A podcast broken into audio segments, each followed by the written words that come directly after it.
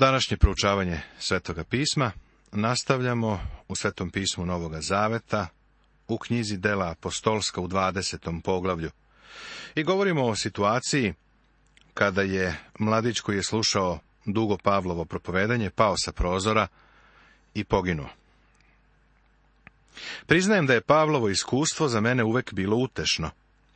Kada pogledam na zajednicu i vidim kako neka braća i sestre dremaju, Kažem sebi, u redu je, pusti ih da spavaju.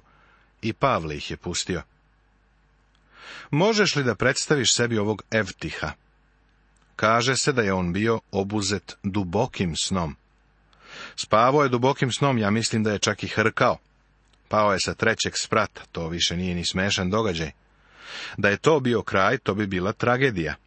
Ali vidi šta se dešava. Tada Pavle siđe baci mu se u zagrljaj i reče, ne uznemiravajte se, jer je njegova duša u njemu. Zatim ode gore, prelomi hleb i jede, i pošto im još mnogo govorio do zore, otputova. A mladića dovedoše živa i utešiše se vrlo. Pavle je ovog mladića podigao iz mrtvih. Sećaš se da je i Simon Petar Dorku podigao iz mrtvih. Bio je to dar koji su imali apostoli. Kada je ustanovljen kanon Svetog pisma, darovi čuda se više nisu pokazivali, nestali su iz crkve. Kada doktor Luka piše, utešiše se vrlo. To znači da su stvarno bili uzbuđeni, što je ovaj mladić ustao iz mrtvih i što je ponovo bio među njima. Sada Pavle nastavlja da propoveda i dalje sve do zore. Kakav je ovo ukor nama upućen? U nekim crkvama ljudi se žale kada propovednik propoveda deset ili čak pet minuta duže nego obično. A ovi rani vernici tamo su sedeli cele noći i slušali Pavla. Znam da će neko reći, da slušam Pavla, slušao bih ga cele noći. Pavle je bio samo ponizni propovednik evanđelja znamo da je Apolo bio vešt govornik, ali to za Pavla nije rečeno.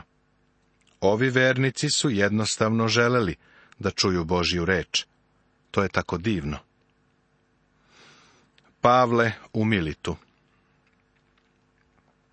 Pošto smo se ranije ukrcali u lađu, odvezo smo se u Asos s namerom da odande Pavla uzmemo na lađu. Tako je naime on naredio, želeći da sam ide pešice. Ponovo putuju. Doktor Luka i drugi članovi grupe plove ka Asosu, ali Pavle ide pešice. Šta misliš, zašto je Pavle to radio? Siguran sam da je to činio, da bi duž puta mogao da svedoči. Dok je hodao, mislim da se na mnogo mesta zaustavljao, da bi ljudima svedočio. A kad se sastao sa nama u Asosu, uze smo ga u lađu i pođo smo u Militinu. Otplovi smo i odande, pa sutradan dođo smo prema Hiosu. Drugi dan prista smo na Samos, te sljedećeg dana dođo smo u Milit. Ovde imamo priliku da vežbamo izgovor, ali i da proučavamo geografiju. Nadam se da ova Pavlova putovanja pratiš na mapi.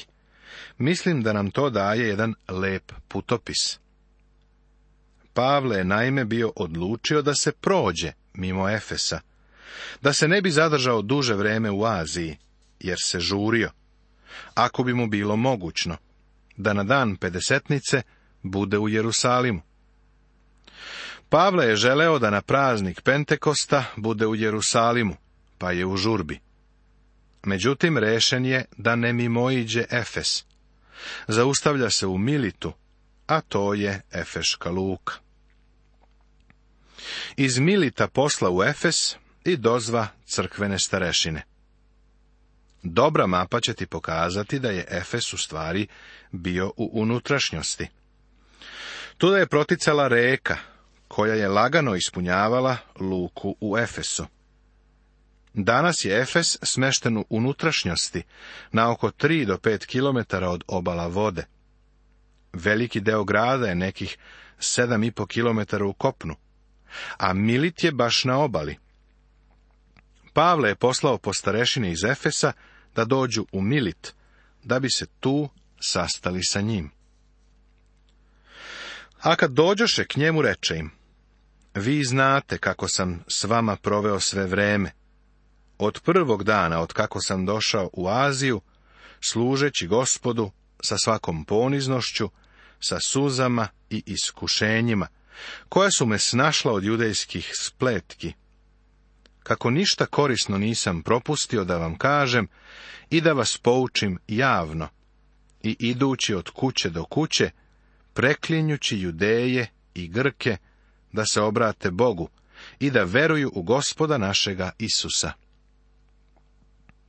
Pavle je bio veran svedok za Hrista. Bespoštedno se borio. Mogao je da izjavljuje da mu je data Božja reč, celokupna Božja reč. Ja nisam prvi koji ima program kroz Bibliju. Apostol Pavle je sve to poučavao. Dao im je potpunu odluku Božju.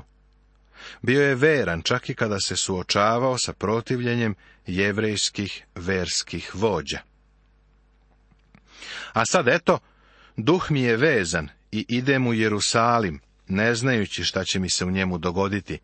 Sem što mi duh sveti od grada do grada svedoči i govori da me čekaju okovi i nevolje. Ali meni nije nimalo stalo do moga života, samo da svršim svoj put i službu koju sam primio od gospoda Isusa. Da posvedočim evanđelje o blagodati Božjoj. Ovdje imamo nešto oko čega među biblijskim učiteljima ima mnogo neslaganja. Neki moji dobri prijatelji koji su u službi, kao i mnogi drugi biblijski učitelji od autoriteta, veruju da je Pavle pogrešio, što je otišao u Jerusalim. Smatraju da nije smeo da ide. Međutim, ovo svedočanstvo koje Pavle daje je vrlo jasno. Verujem da je bio u potpunosti u Božjoj volji, kada je otišao u Jerusalim. On ovako kaže. Idem u Jerusalim. U duhu sam svezan, jer gde god da sam išao, duh Božiji mi je pokazao da me u Jerusalimu čekaju okovi i žalost. Ovo se razlikuje od dela apostolskih 16. poglavlja, gde mu je duh sveti zabranio da propoveda u Aziji. U stvari, Bog je prosto stvorio prepreku na putu, koja ga je usmerila u Europu. Ovde nema takve prepreke. Umjesto toga, duh Božiji Pavlu otkriva u šta ulazi kada dođe u Jerusalim.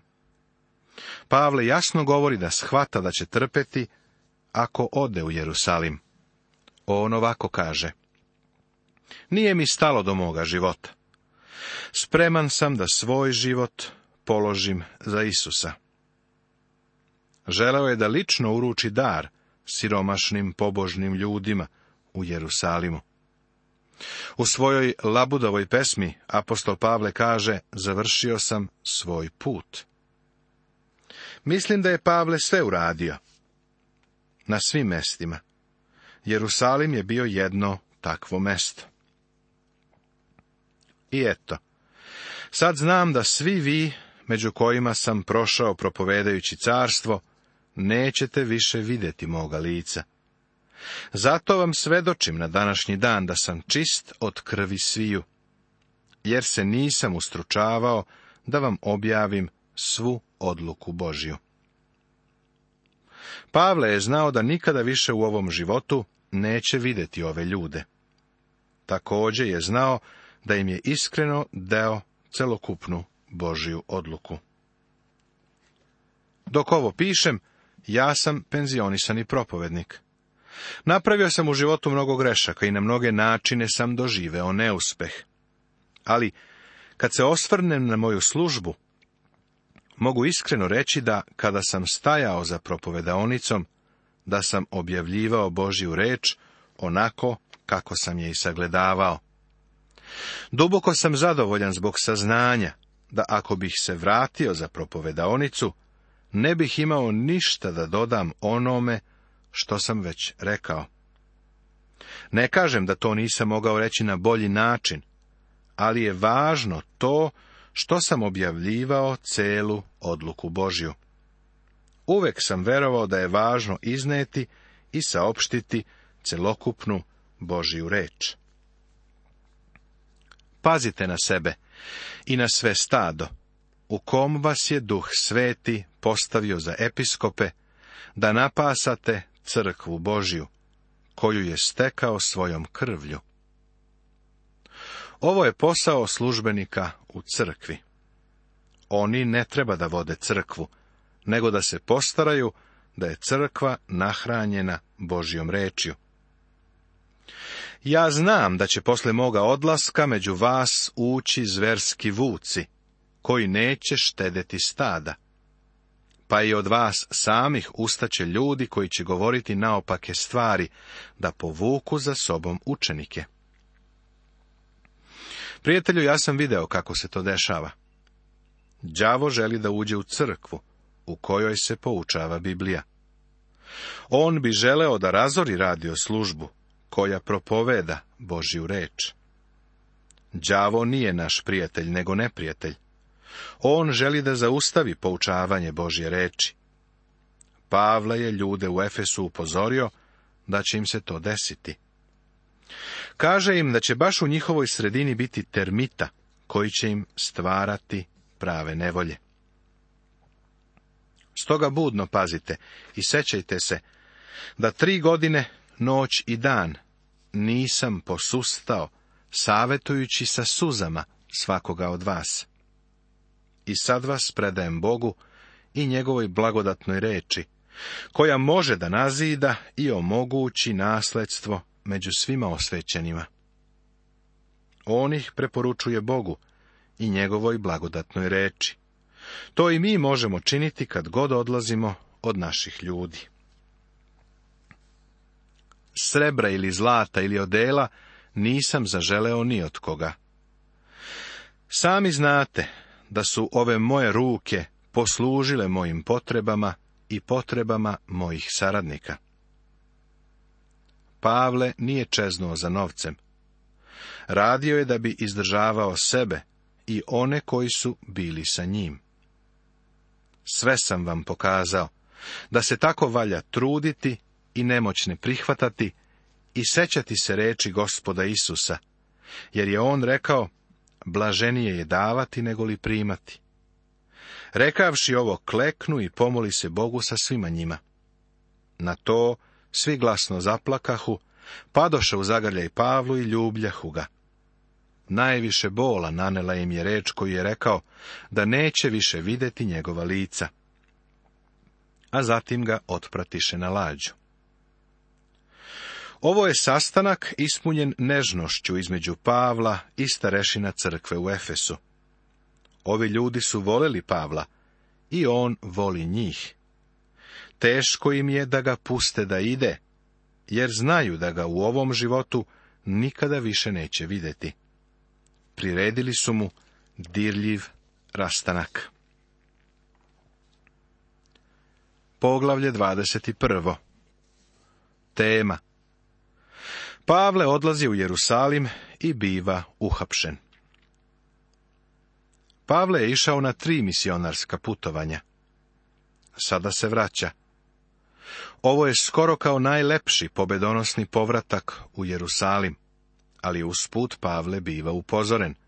On zna da ga u Jerusalimu čeka nevolja. Poglavlje 20 završava se nežnim sastankom sa efeškim starešinama u Militu. Sada se ukrcava na brod i kreće na put koji će ga vratiti u Jerusalim. Pavle u Tiru Kad smo se rastali od njih i odvezli, držeći se pravog puta, dođo smo na Kos, sljedećeg dana na Rodos, pa odande u Pataru i našavši lađu, koja prevozi u Finikiju, ukrca smo se i odveza smo se. Da li ga pratiš? On je u Militu ušao na brod i sada plovi ka južnoj obali Male Azije u Pataru. Tu menjaju brod. Sada je na putu ka Tiru, koji je na obali mora severno od Kesarije. U stvari, to je bilo na obali Izraela, tamo gde je bila drevna Fenikija. Danas je to Liban. A kad nam se ukaza Kipar, ostavi smo ga sa leve strane i plovlja smo u Siriju, te prispe smo u Tir. Onda je lađa imala da istovari teret. Sviđa mi se kako je ovo ovdje izraženo. Mislim da je u prevodu uhvaćeno nešto što obično savremenim prevodima nedostaje ukazao nam se Kipar sa leve strane. Ovim želi da kaže da su plovili ka Tiru, a da se Kipar pojavio u daljini sa njihove leve strane. To naravno ne znači da su oni bili prvi ljudi koji su otkrili Kipar, vidjeli su ostrvo. Ono im je bilo dovoljno blizu da ga prepoznaju, ali se na njemu nisu zaustavili. Bili su na putu ka Tiru, velikom trgovačkom centru koji je tamo postojao još od drevnih vremena. I pošto smo našli učenike, osta smo tu sedam dana. Ovi su, nadahnuti duhom, govorili Pavlu da ne ide gore u Jerusalim. Ovaj stih su koristili oni učitelji Biblije koji su smatrali da je Pavle napravio veliku grešku kada je otišao u Jerusalim. Ovaj stih nam pokazuje da su ovi ljudi govorili Pavlu duhom svetim. Ako ispravno razumem, duh sveti ne protivreči sebi. Verujem da on kaže ovde isto što je govorio pre. Pavle ne treba da ide u Jerusalim, ukoliko nije spreman da podnese potrebnu žrtvu. Pavle stalno govori da je voljan i spreman za tu žrtvu savršeno je voljan da svoj život položi za gospoda Isusa. Mislim da ovaj stih treba ovako shvatiti. Iz nekoliko razloga ne verujem da je Pavle iskoračio iz Božije volje, kada je otišao u Jerusalim. Za odlazak tamo je imao sentimentalne razloge, ali su ti razlozi bili dobri. Nosio je dobrovoljni prilog od hrišćana iz neznaboštva hrišćanima koji su u Jerusalimu bili u potrebi.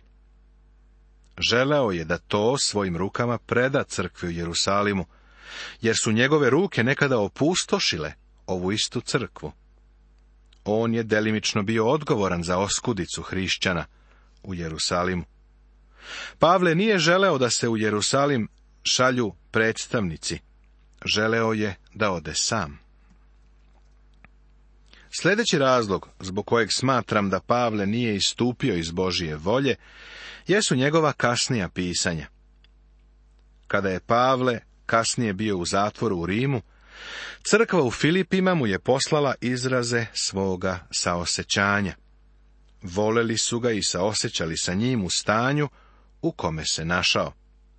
Ali Pavle im je pisao, a hoću da znate, braćo, da je ovo, što se sa mnom događa učinilo da evanđelje napreduje, kaže poslanica Filipljanima, prvo poglavlje, 12. stih. Ono što je Pavle učinio nije zaustavilo širenje evanđelja. Ne vjerujem da je Pavle bio izvan Božije volje. Zatim sećaš se da kada se gospod javio Ananiji i rekao mu da ide kod Pavla, nakon Pavlovog obraćenja ovako mu je rekao, idi, jer mi je on izabrano oruđe, da iznese moje ime pred mnogobošce i kraljeve i sinove Izraeljeve, ja ću mu naime pokazati koliko treba da pretrpi za moje ime. Ovo je citat iz devetog poglavlja ove knjige, dela apostolskih. Sve do ovog momenta našeg proučavanja dela apostolskih, Pavle se nije pojavio pred kraljevima i vladarima, ali znamo da to jeste Božja volja da se desi. U sljedećim poglavljima vidjet ćemo da on odlazi pred kraljeve. Svedočit će kralju Agripi. Verovatno se pojavio i pred Neronom u Rimu.